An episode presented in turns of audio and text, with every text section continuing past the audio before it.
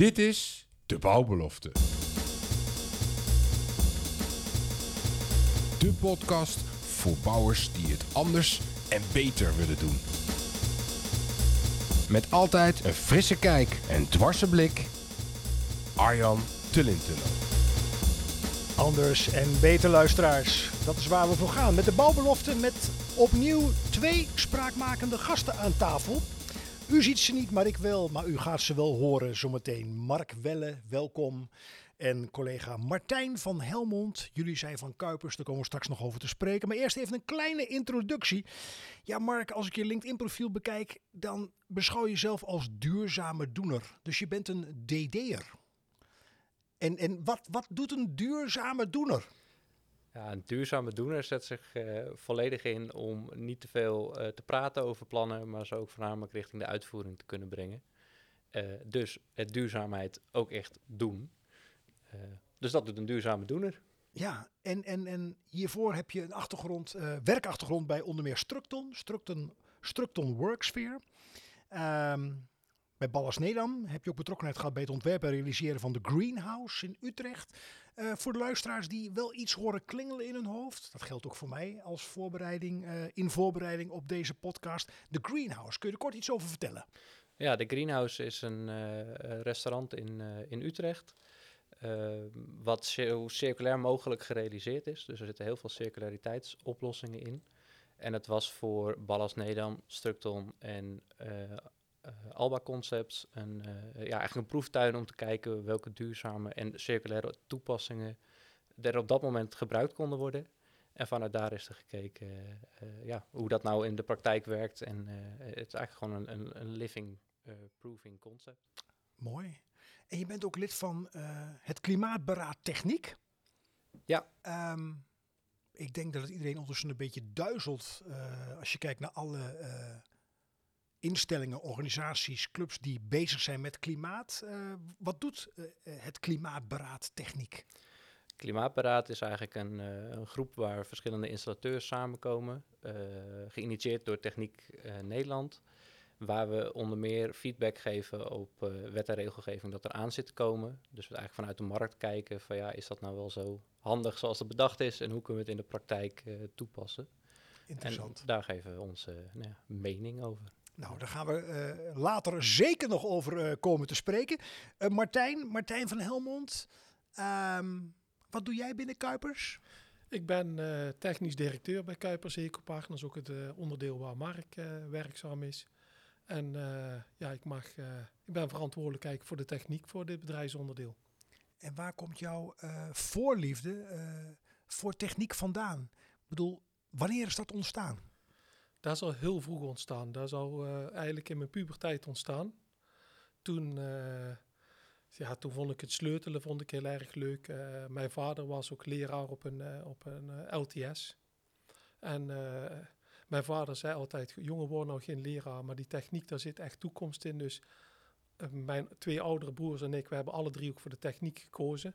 En ik heb er eigenlijk ook nooit spijt van gehad. techniek vind ik heel erg leuk sleutelen, brommers opvoeren en zo? Ja, ik heb er heel veel gehad vroeger. Dus, uh, en ja. wat was je favoriete merk?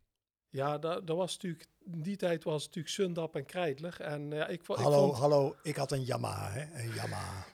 Nou, met alle respect, technisch vond ik dat toch een minder goede brommer. Maar... Ik geloof dat we nu stoppen met deze podcast. in ieder geval, ik was een uh, Sundap-liefhebber, ja. Mooi, mooi. Nee, ik ken het merk ook en... Uh, ik had zelf twee broers en de een had een Honda en de, nee, de andere een, uh, een Kreidler inderdaad, kan ik me nog herinneren. Ja, ja dus uh, mooi, mooi. Dankjewel, leuk. Maar daar is het eigenlijk ontstaan inderdaad mijn passie voor techniek. Mooi. En op de HTS kwam ik eigenlijk in, in aanraking met energietechniek. Uh, eerst eigenlijk, vroeger eigenlijk vanuit de verbrandingsmotor, die ik heel erg interessant vond. Maar al snel zag ik dat eigenlijk alles anders moest. En toen is eigenlijk ook mijn passie voor duurzame energie ontstaan bij Kuipers. Nou, uh, mooi om te ervaren, ook bij jou, dat uh, het, het, het, het, doen van bepaald werk vaak terug te voeren is op uh, ervaringen vanuit huis en uh, de vroege jeugd. Dus ja. leuk, om, leuk om te horen. Ja, um, ik begin even bij jou, Mark. Hè? Dat, dat, dat klimaatberaad. Je zei al, een aantal installatiebedrijven zijn daar lid van. Hebben jullie ook het gevoel dat ehm, wat jullie zeggen en delen met elkaar, dat daar ook wat mee gedaan wordt vanuit Den Haag? Ja, het is altijd moeilijk om, om echt aan te tonen of dat je de juiste invloed hebt. Uh, ik heb wel zeker het idee dat we goede feedback geven en daar ook uh, met elkaar echt wel scherp op zijn. Hè? Dus, dus we zijn daar niet uh, meelopend in. Maar of dat je dan ook je feedback terugziet in de, in de aanpassing qua wet en regelgeving, ja, dat kan ik tot op heden niet, niet beamen. Je merkt dan nog wel veel dat het echt het feestje van Den Haag is. Ja, en wordt die mening ook, ook door je collega's gedeeld van de andere bedrijven? Ja, dat zou je aan de collega's van de andere bedrijven moeten vragen. Maar uh, nee, uh, om een voorbeeld te noemen, we pleiten al een hele tijd van ga nou sturen op het werkelijk energieverbruik en laat het theoretisch geheel wat meer los. Hè. Zeker in de bestaande bouw. Ga nou meten op de energiemeters, op de hoofdmeters. Want dat is voor iedereen wat makkelijker toepasbaar. Ik weet dat daar uh, zeker meerdere installateurs dat ook vinden en daar groot voorstander van zijn. Maar tot op heden krijgen we dat toch niet, nog niet doorheen. Ja. Uh, maar goed, dat is misschien ook politiek. Hè? Ik, ik ben wel iemand, ja, duurzame doener. Ik zeg dat niet voor niks. Liever vandaag een plan maken, morgen uitvoeren. Ja, ik denk dat dit soort adviezen en ideeën ook wat langer de tijd nodig hebben om uh, rijp te worden en toegepast te kunnen worden. Is dat eigenlijk dan zo, vraag ik me af? Of kan het zijn dat ook al zeggen we dat het urgent is, klimaat, maar dat het nog onvoldoende urgent is? Want als het echt urgent zou zijn, zou je een stukje, een beetje snelheid mogen verwachten. Ja, ik denk dat het, het vervelende of het moeilijke van klimaat en van uh, de klimaatverandering is dat je het niet zo ziet. Hè? We merken eigenlijk die urgentie niet zo. Ja, we zeggen wel met z'n allen, god was van de zomer weer warm. Uh, maar we merken daar niet direct uh, economische gevolgen van. En, en ik denk dat dat ja, eraan meedraagt dat we de urgentie wel erkennen, maar hem niet altijd voldoende zien en ook genoeg snelheid maken om er echt wat aan te doen. Ja, oké, okay, oké. Okay. Nou, dat geeft stof tot nadenken. Jij wil reageren? Nou ja, niet elke dag. Alleen uh, wat ik eh, ook uit persoonlijke ervaring heb meegemaakt. Een van mijn broers woont in Houston in Texas. Mm -hmm. En die heeft dus twee jaar geleden, hij zat gelukkig op het goede plekje in de stad. Maar er stond een halve meter water in die stad. Nog nooit gebeurd. Dus uh, half Houston stond onder water. Hè. Dat zijn beelden van uh, zo'n beetje twee jaar geleden. Dus de, ja, heel Houston lag plat. Dus mijn broer heeft dus in, al ervaren wat klimaatverandering met zich meebrengt. Ook ik, nog, nog, nog kort daarna, viel er in Zuidoost-Brabant kwam er een hagelbui die ook nog in geen honderd jaar is gevallen. Waarbij er hagelstenen zo groot als, ja, als grote eieren vielen, waardoor mijn halve dak gesneuvelde. Sneuvelde. Dus dan viel het bij mij nog meer, maar in mijn omgeving heeft het maanden geduurd voordat huizen hersteld waren. Dus je ziet dat die klimaatverandering ook steeds dichterbij komt. Ook ja, uh, zomers die je nu hebt, uh, uh, afgelopen zomer bijna 40 graden. Ja, dat zijn, ik kan me herinneren toen ik 20 jaar was, dat als wij in Spanje op vakantie waren, waren dat, ja, dat schreef je op een briefkaart. Maar nu zie je het ook in je eigen, in je eigen dorp, dat je die temperatuur haalt. Dat is gewoon ongekend. Dus ik vind eigenlijk dat we zeggen van uh, het is ver weg. Nee, ik zie het nu al dat het ook voortaan heel dichtbij komt. Dus ik heb uit eigen ervaring al twee van die situaties meegemaakt. En denk, merkt, dit zijn verschijnselen die ik nog nooit heb gezien. Ik kan me dat voorstellen wat je zegt, Martijn. Ik denk de luisteraars ook. Eigenlijk zeg je daarmee ook dat, uh, ja, het woord urgentiebesef komt boven, maar dat vind ik zo'n standaard woord. Uh, misschien moeten we het maar eens ervaren dat uh, bijvoorbeeld uh, het riool, de afwatering niet meer aan kan. Of dat we uh, een uur op een dag geen stroom meer hebben. Ik bedenk maar even iets. Nou, dat zijn inderdaad... We kunnen ons moeilijk voorstellen, wat jij net ook al zei, hè? Uh, Mark, dat, dat, dat het echt zo dichtbij is. Dat proef ik een beetje bij jullie. Ik denk dat het inderdaad dichtbij is. En waar ik me vooral zorgen om maak, is dat... Ja, op het moment, hè, ik wil zeggen, we hebben het nu over, uh, over iets meer dan een graad uh, temperatuurverhoging. Maar als je naar richting de 2, 3 graden gaat, ja, die impact is gigantisch. Hè. Daar wil niemand weten hoe groot die impact zal zijn. En ja, we hebben nu nog de mogelijkheid om het te veranderen. En je ziet ook steeds meer mensen die beseffen dat er iets moet gebeuren. En er zijn alle mogelijkheden zijn er. En ja, waar, waar wij ons eigen allemaal hard voor maken. Ik heb zelf jonge kinderen en het enige, en dat geldt, geldt voor Mark, heel veel mensen uh, in, in ons team die, die drijft één ding. Die willen de aarde net iets mooier achterlaten als dat we hem hebben gekregen. En uh, daar, daar gaan we voor. Ja, ik laat hem even eh, landen, binnenkomen, Mark. Ik, ik, ik, ik hoor wat je zegt, Martijn. En als mens kan ik daar ook zo naar kijken. Alleen, dat roept iedereen. Hè? Dat roept ook de politiek. We willen de aarde beter achterlaten voor onze kinderen en kindskinderen. Maar kijk naar bijvoorbeeld de hele windmolendiscussie in het hele land. Dan is het heel hip om voor wind en zon te zijn. Maar als er windmolens geplaatst moeten worden, is iedereen tegen. Hoe, hoe kijk jij daarnaar? Kun je dat, kun je dat verklaren mogelijk? Verklaren is lastig. Uh, uh, wat ik net al zei, hè, misschien dat niet iedereen de juiste urgentie voelt of, of dat al direct ziet. Over die discussie heb ik wel altijd zoiets van ja, uh, kijk dan naar wat je wel kan doen. Je kan tegen die windmolen in je achtertuin zijn, maar er zijn waarschijnlijk nog heel veel dingen die je prima op je eigen vlakje of met je eigen invloedssferen gewoon prima op kan pakken. Uh, dan komt de duurzame doener weer. Uh, doe nou, pak dat nou gewoon aan. Hè. Als jij een stuk dakoppervlakte hebt waar je ook zes zonnepanelen kwijt kan. Als heel Nederland dat doet, zetten we al serieuze stappen. En stel nu dan dat jullie, en je mag zelf de rolverdeling bepalen, dat jullie met z'n tweeën het voor het zeggen hebben op het ministerie voor Klimaat. In de rol als minister of staatssecretaris. Even vrij uitdenkend, Mark en Martijn. Kom zo bij jou. Wat zou je dan, als je echt zegt, we willen de wereld, de aarde beter achterlaten, waar ook André Kuipers al, al geruime tijd voor pleit. Um, wat, zou je dan, wat zou je dan doen? Ja, als, ik, als ik kijk naar ons vakgebied, hè, dus het dan even puur op de energietransitie hou. Uh, ja, dan zou ik daar voornamelijk zeggen, ga sturen op CO2-sturing. Uh, uh, dat is uiteindelijk wat we met z'n allen willen, de CO2-uitstoot beperken. En dus sturen op daadwerkelijk energieverbruik. En dat zoveel mogelijk, ja, eigenlijk mensen die voorlopen op de klimaatdoelen. Hè. Dus we hebben ons doel 2030. Reken dat terug naar een verbruik per kilowattuur per vierkante meter die je mag gaan verbruiken.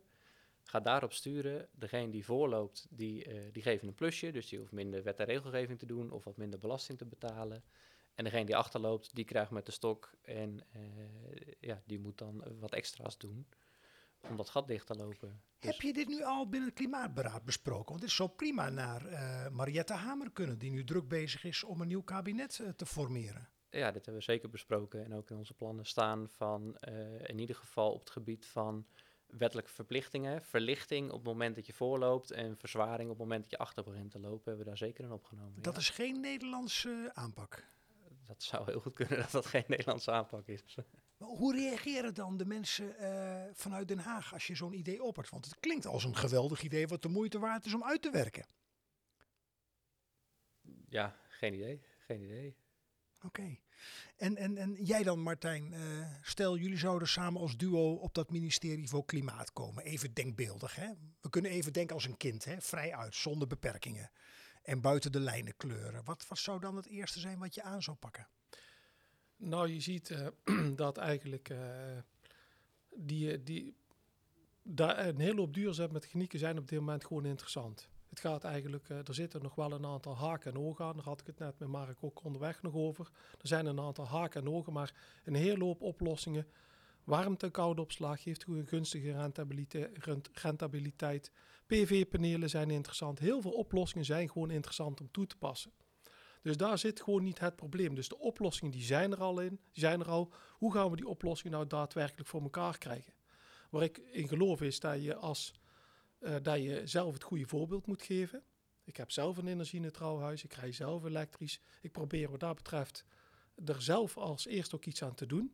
Ik heb zelf gelukkig de middelen om dat ook te kunnen. Ik heb er zelf fors in geïnvesteerd in mijn huis. Niet elke Nederlander heeft die middelen om er zelf in te investeren. Dus terwijl het eigenlijk wel interessant is. Dus hoe kun je er nou voor zorgen dat iemand die dus uh, zelf die middelen niet heeft, dat hij die middelen wel krijgt om die investering ook in zijn huis te kunnen doen? Of daar, in zijn pand. Daar zal jij als beoogd minister of staatssecretaris mee aan de slag gaan. Ja, er is natuurlijk al een, er is, er is al een Wiebesfonds. Hè, dus, uh, om, dus, uh, om dus zaken mogelijk uh, te maken. En ik zou kijken, hoe ga je nou dat fonds inzetten om, om dus, die, om dus die, die duurzame oplossing, om die daadwerkelijk voor elkaar te krijgen. En om het dan klein te maken en behapbaar, dan zou je dat leggen op de complete woningvoorraad van Nederland. In de ideale wereld. Klopt, ja. Ja, ja, ja. Even iets anders, voor we naar uh, een voorbeeld gaan. Hè? Het Tergooi ziekenhuis uh, in Hilversum. En Mike, ik heb hier tien vragen liggen. En ik weet niet welke vragen het zijn. Dus je mag een nummer kiezen. Dan ga ik de vraag aan je stellen. Dan mag je zelf kiezen of je antwoordt. Oké, ehm, nummer 6. Nummer 6. Nou, dan gaan we eens kijken wat daar staat. Het is wel een hele leuke, denk ik. Hoe ben jij als je stress hebt of onder druk staat? En zien jouw collega's of thuisfront dat ook aan jou? Ik zie voor de luisteraars Martijn al lachen. Nou, met name dat stuk collega's of thuisfront. Ik denk dat de thuisfront het meer ziet als de collega's. eh, En, en, en eh, welke markt dat- ziet je thuisfront dan? Ja, ik denk dat ik op, op in het werkveld, eh, stress laat zich heus wel zien in, in iets korter reageren of, eh, of, of iets korter af ben, maar dat ik dat best rustig op kan pakken. Eh, thuis kan inderdaad eh, onder stress nog wel eens het gebeuren zijn van, joh, nou even allemaal aan de kant, eh dan pak ik graag mijn fiets erbij. hè. Dan ben je gewoon niet te genieten. Nee, daar ben ik inderdaad even, nee, dat spreek me dan maar even niet aan en zet me maar even op een racefiets neer, dan eh, gaat het over een uur weer een stuk beter. Oké, Ja. oké. Ja. Nou, dankjewel. Jij mag ook een vraag kiezen, eh, Martijn. Een nummer 8. Nummer 8. Ja. Zo. Dan gaan we eens kijken. Ja. Heb jij veel zelfvertrouwen? Eh, dat varieert over dingen die ik goed weet, heel veel. En dingen die ik niet weet, minder. Aha. Als ik, eh, als ik, eh, ik praat uit, graag uit, vanuit kennis. Dus dingen waar ik niet zoveel verstand van heb, daar zul je meteen aan me merken. En in, je, in, de, in, de, in de thuissfeer, in de privésfeer, als ik naar de mens Martijn kijk, wat voor mens ik ben, ja, of je dan over het algemeen zelfvertrouwen hebt, of eh, ja, daar heb ik wel zelfvertrouwen. Ja. ja. En hoe is dat ontstaan? Hoe heb je dat eh, bereikt? Want niet iedereen heeft dat. Nou, ik denk dat dat, eh, waar ik in geloof, je wordt in de eerste jaren, word je gevormd. Hè? Ik ben door mijn, vooral door mijn moeder gevormd. En die heeft gewoon heel goed haar werk gedaan. Dus ik heb een hele goede basis meegekregen van vroeger uit. En dat probeer ik ook mijn kinderen mee te geven, een hele goede basis. Waar ze altijd op kunnen terugvallen. En wat is dan de belangrijkste waarde die je Eh, mee hebt gekregen van je moeder, die je ook over wil brengen op je kinderen? Aandacht geven, luisteren naar je kinderen. Waar zitten hun behoeften? Dat zijn denk ik hele belangrijke dingen. Nou, kun je er wat mee, Mark? Ja, met een, eh, met een dochter van eh, net een jaar eh, zijn het altijd welkome tips. Oké, dankjewel. Ehm even kijken naar dat ehm Tergooi ziekenhuis. Ehm warmte-koude opslag. Eh, Martijn, ehm, jullie ontwerpen en realiseren daar drie energiecentrales voor. Klopt. En warmte en koude, ja, die term kom je ook in de, in de media voldoende tegen. Zeker. Maar even kijkend naar de, de man of vrouw, de luisteraar die daar minder kijk op heeft. Wat, wat, wat kun je daarbij vertellen? Nou, warmte-koude opslag maakt gebruik eigenlijk van warmte en koude die beschikbaar is in de bodem. En hoe werkt het systeem? Eh, het werkt in combinatie, dus je hebt bronnen in de grond zitten, warme en koude bronnen. Eh, het werkt in combinatie met de warmtepomp. Het grondwater is gemiddeld in Nederland zo'n beetje 12 graden Celsius. Met dat water kun je in principe heel makkelijk een gebouw al koelen. Dat is koud genoeg om het te koelen. Als je, dan, als je dan in de zomer dat gebouw hebt gekoeld, dan breng je dat water van 12 graden het pand in, ga je mee koelen, pomp je terug in de grond met een graad of 18. In de winter pomp je dat warme water omhoog, verhoog je met, eh, met de warmtepomp naar een temperatuur van 30 tot 35 graden en daarmee kun je dus heel duurzaam een gebouw ook verwarmen. Dus je kunt ermee koelen en je kunt ermee verwarmen. En het mooie van warmte-koude opslag is, we noemen dat dan een COP, dat noemen ze, dat is een coefficient of performance, oftewel een rendement. Je kunt met één eenheid elektrische energie kun je 60 eenheden koude maken. Ja, eh, als, eh, als uitleg, een traditionele koelmachine die, heeft voor die gebruikt één eenheid elektrische energie voor drie eenheden koude. Oftewel, je hebt een veel beter rendement om te koelen.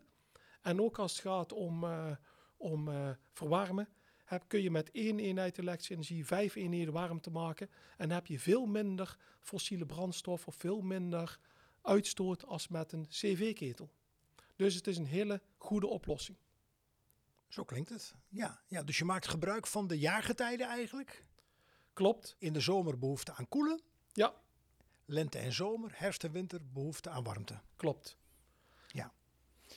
En, en, en draait dat al op dit moment binnen Eh, dat ziekenhuis? Dit niet, maar we hebben warmte-koude opslag hebben we al vanaf 1995 toegepast bij Kuipers. Is verstaan echt een beproefde techniek. En eh, in de utiliteit, waar wij als Kuipers actief zijn, daar zie je dat eh, eh, zo'n ziekenhuis, vroeger had een ziekenhuis vooral veel behoefte aan verwarming. Je ziet steeds meer door de grote ventilatie en door de hoge temperaturen, dat een ziekenhuis de behoefte aan koeling in een ziekenhuis is verstaan net zo groot als de behoefte aan verwarming. Het hele jaar door. het hele jaar door. Dus ja, dat, eigenlijk is warmte-koude opslag een hele goede oplossing voor een ziekenhuis. Om dat op een hele duurzame manier te verwarmen en te koelen. En als je dan kijkt, ehm, Mark, het komt zo bij me op die vraag. Ik hoor je collega zeggen, Martijn zegt, eh, sinds 95 al actief daarin.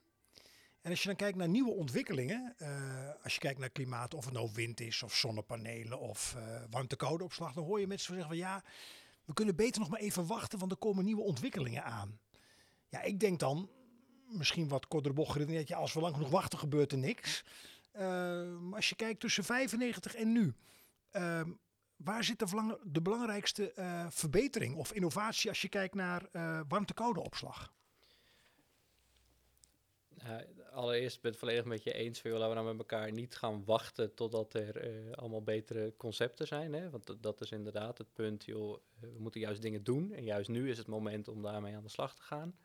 Als je kijkt naar de verbeteringen, ja, dan zit dat voornamelijk in de energieopwekking. Hè? Dus de warmtepompen zelf, die zijn ontwikkeld en die zijn eh, eh, verbeterd. De techniek is nog steeds precies hetzelfde. We boren nog steeds twee grote eh, gaten waar we water uit naar boven halen. En dat met een warmtepomp of ja, of koeler of warmer maken. Dus het is met name het rendement van de installatie wat beter is geworden, maar de techniek is nog één hetzelfde. En is dat in algemene zin, of is de vraag, maak ik hem daarmee te ehm, eenvoudig, Martijn? Als je kijkt naar dus nieuwe ontwikkelingen, die, die met duurzaamheid te maken hebben, hoeveel jaar kun je dan zeggen? Binnen hoeveel jaar is er een zodanige verbetering, jij zei het eigenlijk al, dat je kunt zeggen van nou, het loont juist wel om nu daarin te investeren. Ja, kijk, bij warmte-koude opslag. Kijk, als je ziet, eh, eh, toen wij in 95 met warmte-koude opslag begonnen, toen had je nog hele lage tarieven bijvoorbeeld voor aardgas. Hè? En ook voor elektriciteit. Je ziet dus dat gas- en elektriciteitstarieven de afgelopen jaren natuurlijk flink gestegen zijn. Gaan ook nog flink stijgen. Eh, als dadelijk ook nog het zo is dat je voor de, de CO2-uitstoot, zeg maar de vervuiling, nog extra moet gaan betalen, dan gaat dat nog zwaarder wegen. Maar eh, nog even ter aanvulling op het verhaal van Mark. Je ziet altijd met nieuwe technieken in eerste jaren heb je nog te maken met kinderziektes. Hè. Ook een sector moet zo'n nieuwe techniek onder de knie krijgen. Ook bij Kuipers hebben wij daar een aantal jaren voor nodig gehad om die techniek voldoende onder de knie te krijgen. Vervolgens ga je ook kijken. Ook de overheid heeft eh, in midden 2000 eh, hebben ze dus gezegd van oké, ze zagen dus eigenlijk, eh, trouwens ik zeg 2000, 2013, 2014, hebben ze dus een certificering afgegeven. Dus ze hebben gezegd, we willen dat daar alleen nog maar partijen zo'n systeem aanleggen die een bepaalde kwaliteit leveren. Eh, maar je ziet ook dat bedrijven als Kuipers, maar er zijn ook een aantal andere partijen, die hebben het ook gestandardiseerd. Dus in eerste instantie hebben we dus ervaring opgedaan, hebben, we- er zijn nog kinderziektes geweest, daar hebben we van geleerd. Er is vanuit de overheid er een certificering opgezet en nu zie je eigenlijk dat er partijen op de markt actief zijn die kennis hebben, die standaarden hebben en dat is gewoon een beproefde techniek waarbij je ook zekerheden kunt bieden aan de klant met betrekking tot exploitatiekosten en ook bijvoorbeeld een bepaalde rentabiliteit. En kun je dan ook zeggen, wat in de ICT meen ik opgaat, dat die, die snelheid waarbinnen eh, verbetering plaatsvindt, op rendement bijvoorbeeld, dat dat exponentieel stijgt, dus enorm stijgt naarmate de tijd voortschrijdt. Dus die tijd, die ervaringstijd wordt steeds korter of gaat dat niet op als je kijkt naar ehm, duurzaamheidsmaatregelen? Nee, ja, dat was de wet van Moore, als ik me niet vergis. Hè? Ik meen ook, ja. Ja, Dat iedere processor die ontwikkeld wordt zoveel malen sneller is dan eh, de voorgaande. Nee, die wet gaat helaas niet op voor, eh, voor de duurzame technieken. Als ik, ik zie eigenlijk daar een, eh, ja, een graduele ontwikkeling. Die is gewoon, die is gewoon geleidelijk gegaan. En ja, wat je daarvan zou kunnen zeggen is dat jij zou willen dat die ontwikkeling sneller had eh, gegaan. Hè? Want heel simpel, de uitdagingen zijn groot. En warmte-koude opslag is nu uitontwikkeld, maar er zijn nog een aantal andere eh, zaken. Net, ik noem bijvoorbeeld waterstof, hè, waar al veel over gesproken wordt. Maar er zijn een aantal oplossingen waar je van zegt, oké, hoe gaan we dit nu als Nederland invullen? Een stip op de horizon, maar ook een duidelijke ontwikkelagenda. Hoe gaan we nou zorgen dat die technieken dat die, uh, succesvol worden in de toekomst? Mark, die ontwikkelagenda waar Martijn het over heeft, hè, is die er al in het hier en nu? Voor zover je weet. Voor zover ik weet, uh, niet. Nee. Ik, ja, je hoort heel veel inderdaad innovaties en dingen die er aan zitten te komen. Of je denkt, oké, nou interessant, moeten we wel blijven volgen. Uh, maar ik heb niet echt een agenda uh, ooit gezien waarvan je zegt, nou, dit zijn de stappen die de komende jaren genomen worden. Zou die er moeten komen, Martijn? Zeker. Ik denk dat uh, ik, heb ook, ik heb ook een groot aantal jaren ben ik docent geweest duurzame technieken. Ik heb bijna heel Zuid-Nederland mogen opleiden op dat gebied. Ik heb heel veel jongeren en ook jongvolwassenen heb ik wegwijs gemaakt in duurzame technieken. maar wat belangrijk is voor de bedrijven is van oké, waar gaan wij naartoe? Zowel voor onze klanten als natuurlijk ook voor de technische dienstverleners. Die willen weten, hoe ziet die energiemix er over uh, eh, 10 of 15 jaar uit? Welke technieken zullen we er dan uh, gaan toepassen? Uh, hoe gaan we dat als overheid voor elkaar krijgen? Dus ja, je zou inderdaad wel een, een, een, een, een, visie willen hebben vanuit de overheid. Hè? Die mis ik eerlijk gezegd. Er, ligt wel, er liggen nu wel concrete doelstellingen per sector en dat zie je ook bij onze klanten heel vaak. Ik noem bijvoorbeeld de zorg heeft gezegd, we gaan 49% CO2 besparen in 2030.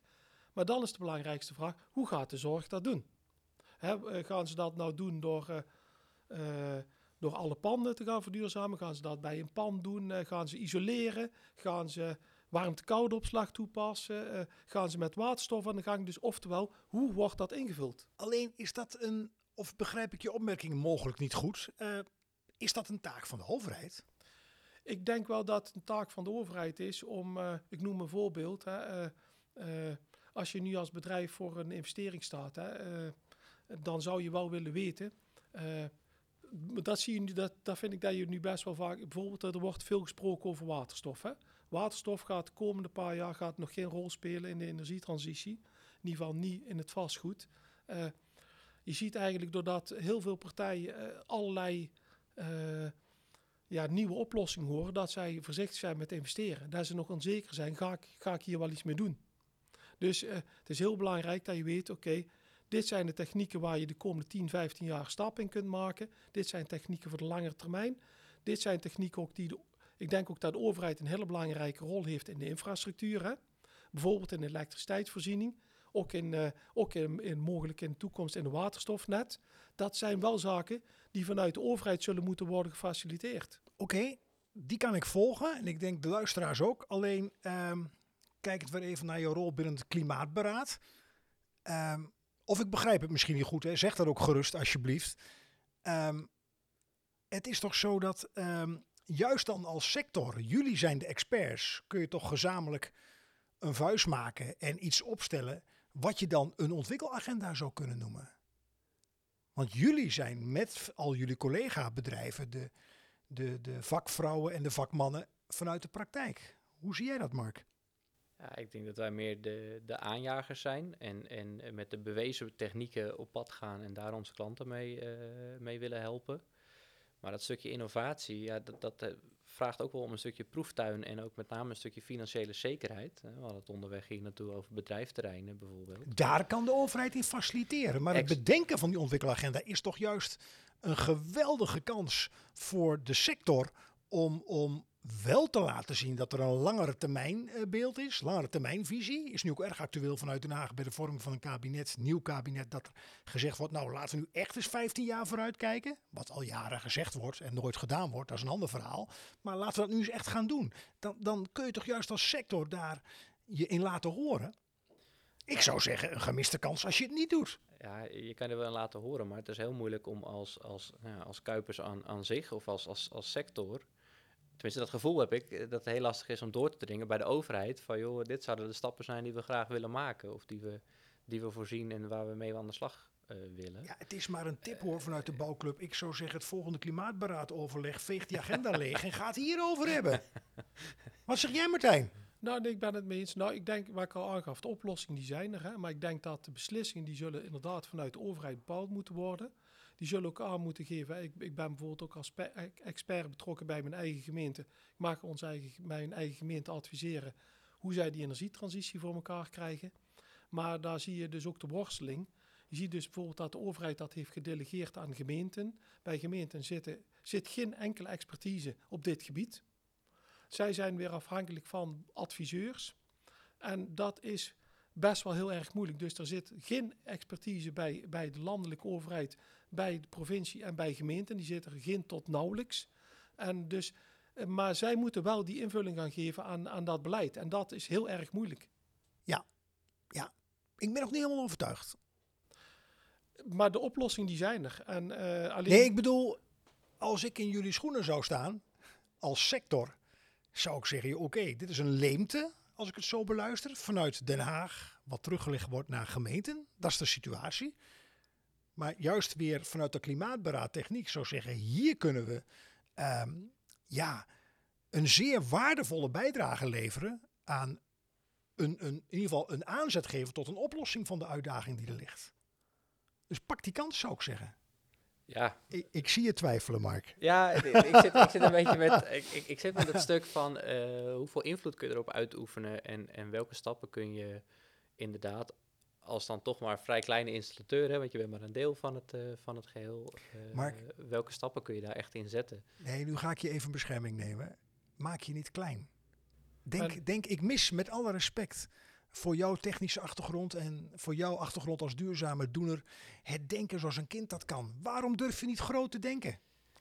Daar ben ik mee eens. Ah. Ik denk dat we wel groot mogen denken. En we zijn geen kleine installateur. hè. Wij zijn een grote technische. We zitten bij de top 4 in Nederland. Hè. Dus we zijn een grote partij.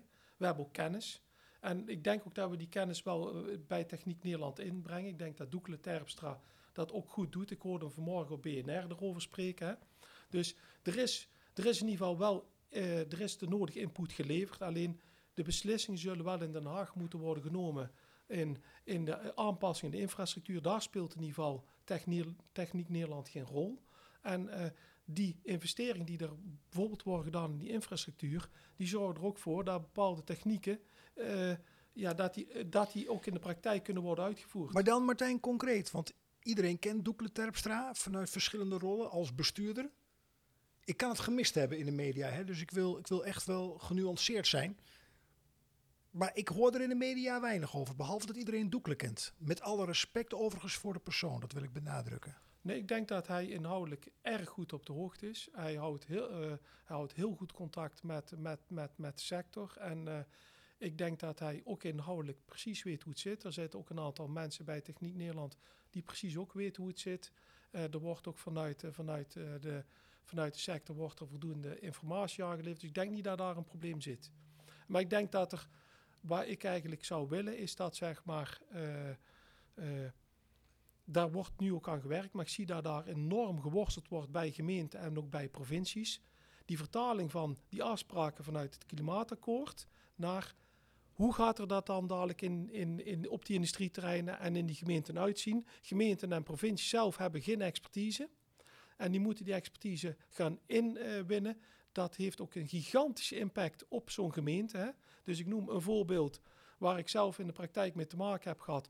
De gemeente moet bijvoorbeeld, gemeente Asten waar ik dan in woon, die moet dus voor 2030, moeten zij dus een wijk aanwijzen die van het gas afgaat. Als voorbeeld, de gemeente Asten heeft 80% koopwoningen, eh, waarbij de gemeente geen enkele zeggenschap heeft dat die mensen, die zijn allemaal nu aangesloten op het gasnet. Eh, er is geen enkele dwang om die mensen van het gasnet af te halen. Het vergt gigantische investeringen, niet alleen maar in de infrastructuur, maar ook in de woningen, om dit dus voor elkaar te krijgen. Ja, dit zijn uitdagingen die, eh, die, zijn, eh, die zijn heel erg moeilijk. Vooral op het moment dat je daar wettelijk ook geen enkel middel voor hebt. En dan hebben we het nog niet over. Stel nou dat je als woningeigenaar, ik heb 50.000 euro extra geïnvesteerd in mijn huis. Om dus zeg maar die duurzame technieken voor, mogelijk te maken. Dan zul je, alle mogelijkheden zullen er dus ook beschikbaar moeten zijn om dit voor elkaar te krijgen. En die zijn er op dit moment niet. Maar ze moeten nu al het plan maken. Eh, en 2030 klinkt ver weg, maar het gaat heel erg snel. Dus ja, ik zie eigenlijk de worsteling waar zo'n gemeente mee kampt om, om, om zo'n ja, zo'n complex geheel voor elkaar te krijgen. Ik snap wat je zegt. Ik denk dat menig luisteraar die er ook maar een beetje in zit, eh, dit wel herkent. Ehm, Mark, even een vraag eh, om even te kijken hoe goed je collega kent. Is Martijn meer een prater of een luisteraar? Eh, als het over zijn techniek gaat, is het er zeker een prater. als het over de persoonlijkheid gaat, is het absoluut een luisteraar. ja. Mooi. En even een vraag eh, aan jou, Martijn, over eh, je gewaardeerde collega. Eh, tatoeage of piercing? Mark, ehm, dan zou ik nog eerder zeggen een tatoeage. Maar het past geen van beide bij je. Is dat ook zo, Mark? ja, dat is zeker zo. Ja, ja. Hartstikke goed. Niet mijn Ja. ding. Ja, Ja. ja. hey, ehm, bedrijventerrein hebben we het ook even over gehad, Mark. Hè? Eh, want, want natuurlijk, bij iedereen, ehm, alle luisteraars, eh, ook in de familie, vrienden, eh kennissenkring, eh, he- hebben we het over PV-panelen bijvoorbeeld op een woning en een warmte-koude eh, een warmtepomp eventueel. Even wat, wat zo publiekelijk bekend is. Hè? Maar er is nog een grote slag te maken op industrieterreinen. Hè? Eh, neem nou bijvoorbeeld eh, zon op daken. Ehm, dan, dan hoor ik dat, dat in voorbereiding op deze podcast bijvoorbeeld daken vaak niet eens technisch geschikt zijn om veel zonnepanelen op te leggen. Om nog, om nog maar niet te spreken over de brandverzekeraars.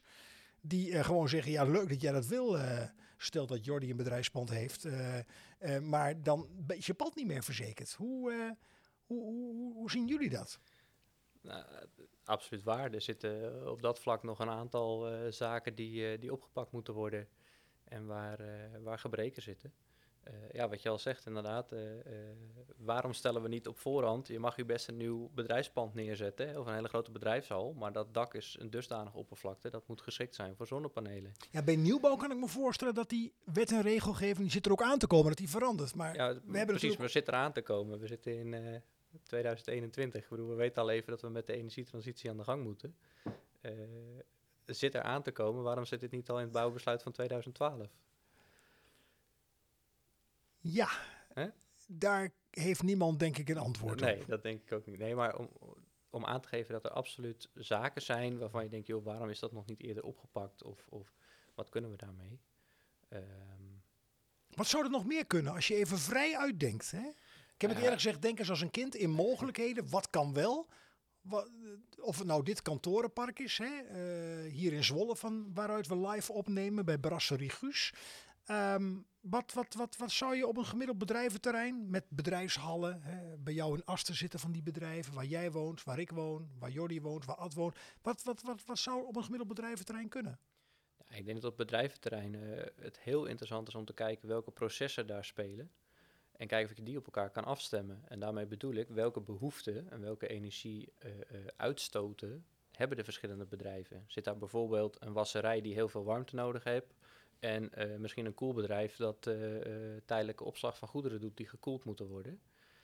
Daar zitten heel veel kansen, want waar de een warmte nodig heeft, heeft hij een restproduct dat is koude. En waar de ander koude nodig heeft, heeft hij een restproduct, dat is warmte. En zie je nu al in het hier en nu dat er voorbeelden zijn van bedrijventerreinen waar het al gebeurt, waar men naar elkaar kijkt van hé, hey, waar ligt ieders behoefte? Ja, ja het, het begint te komen. Ehm, de uitdaging daarin zit wel in, ja, hoe ga je dat dan contractueel met elkaar aanpakken en hoe ga je die uitwisseling eh, goed oppakken. Met name het warmtenet wat daarvoor nodig is, is een forse investering waarbij niet altijd zeker is of dat, dat ook terugverdiend wordt. Eh, en, en, en daar hadden we het eh, onderweg ook over. Het gaat ook over de hoeveelheid bedrijven die willen aansluiten op zo'n warmtenet. En daar zit vaak het, het, het risico. Dat je een heel duur warmtenet aanlegt en als er nou, van de 50 bedrijven er dan vijf aansluiten, dan gaat je hele business case onderuit. Maar ja, je hebt weinig middelen om die andere 45 te dwingen om ook op dat netwerk aan te sluiten. Ik heb zomaar het idee eh, richting een einde van deze eh, bouwbelofte dat we met gemak nog een uur zouden kunnen vullen. Zouden kunnen vullen over dit thema. En wie weet gaat dat in het vervolg nog wel gebeuren. Ter afronding, Mark, ik ga jou de vraag zo ook stellen, Martijn. Wat zou jij ehm, vanuit je, je vakgebied, je passie, je expertise, ehm, de nieuwe generatie, de jongeren mee willen geven? Ja, kijk vooral naar de dingen die wel kunnen. Kijk naar waar jij invloed op kan uitoefenen en, en eh, probeer eigenlijk je impact die je kan hebben op dat stuk van de energietransitie zo groot mogelijk te maken. Eh, we hebben nu allemaal eh, zaken ook weer besproken die eventueel belemmerend zijn of die in de weg zitten. Maar er kan ook zoveel wel. We hebben legio voorbeelden waar we met energieuitwisseling al, al prima, al jaren draaien. Ik bedoel, Hortus Botanicus was 2013 volgens mij dat we dat project realiseerden waar gewoon warmte en koude uitgewisseld wordt tussen twee gebouwen, hartje Amsterdam. Dus kijk niet naar de dingen die niet kunnen, kijk naar de dingen die wel kunnen. En die, eh, Mooie boodschap. Dankjewel. En jij Martijn, wat wil jij eh, de, nieuwe generaties, eh, de nieuwe generatie meegeven? Nou, ik moet zeggen, als ik naar mijn eigen kinderen kijk, dan zie ik eigenlijk dat die bewustwording er bij mijn eigen kinderen al helemaal is. Mijn, eh, mijn dochters zijn vegetarisch, eh, gaan heel bewust met heel veel dingen om. Dus ja, wat dat betreft eh, hoef ik ze niks meer meer te geven. Eh, Ze voeden mij eh, zelfs nog af en toe op. Dus, Kijk. dus dat zit wel goed. En ik denk dat heel veel kinderen ook heel goed beseffen hoe het zit. Ehm, ja, waar ik zelf ook mijn kinderen altijd meegeef is... ik heb zelf nog wel eens ooit me, ja, mijn energie verloren... omdat ik met dingen bezig was die ik niet onder controle had. Dus je kunt je ook vooral het beste focussen op dingen die, waar je wel het verschil in kunt maken. Probeer ik ook mijn kinderen mee te geven. Kijk naar de dingen waar jij zelf een invloed op hebt... waar jij het verschil in kunt maken. En eh, ja, dat, dan ga je ook weer van de, vanuit het positieve. Want Nou. ja, er liggen natuurlijk op dit moment... Ja, als ik, als, stel dat je, nu, dat je nu 12 jaar bent... Ja, dan zit, liggen er best wel een hele hoop bedreigingen. Ja, daar, daar kan heel... Daar kan, eh, daar, daar, daar kan ik me voorstellen dat je er heel negatief van wordt. Maar ga dan vooral kijken naar de dingen waar jij het verschil in kunt maken. Het lijkt me een mooie afsluiting van deze bouwbelofte. Ehm dankjewel Mark Welle. Dankjewel eh Martijn van Helmond namens Kuipers voor jullie bijdrage. Beste luisteraars, ehm, ja, er gaan nog meer bouwbeloftes komen. Hoe en wanneer, dat gaat u vanzelf horen. Daarom sluit ik af vanuit Brasserie Guus in Zwolle met de uitspraak tot de volgende bouwbelofte.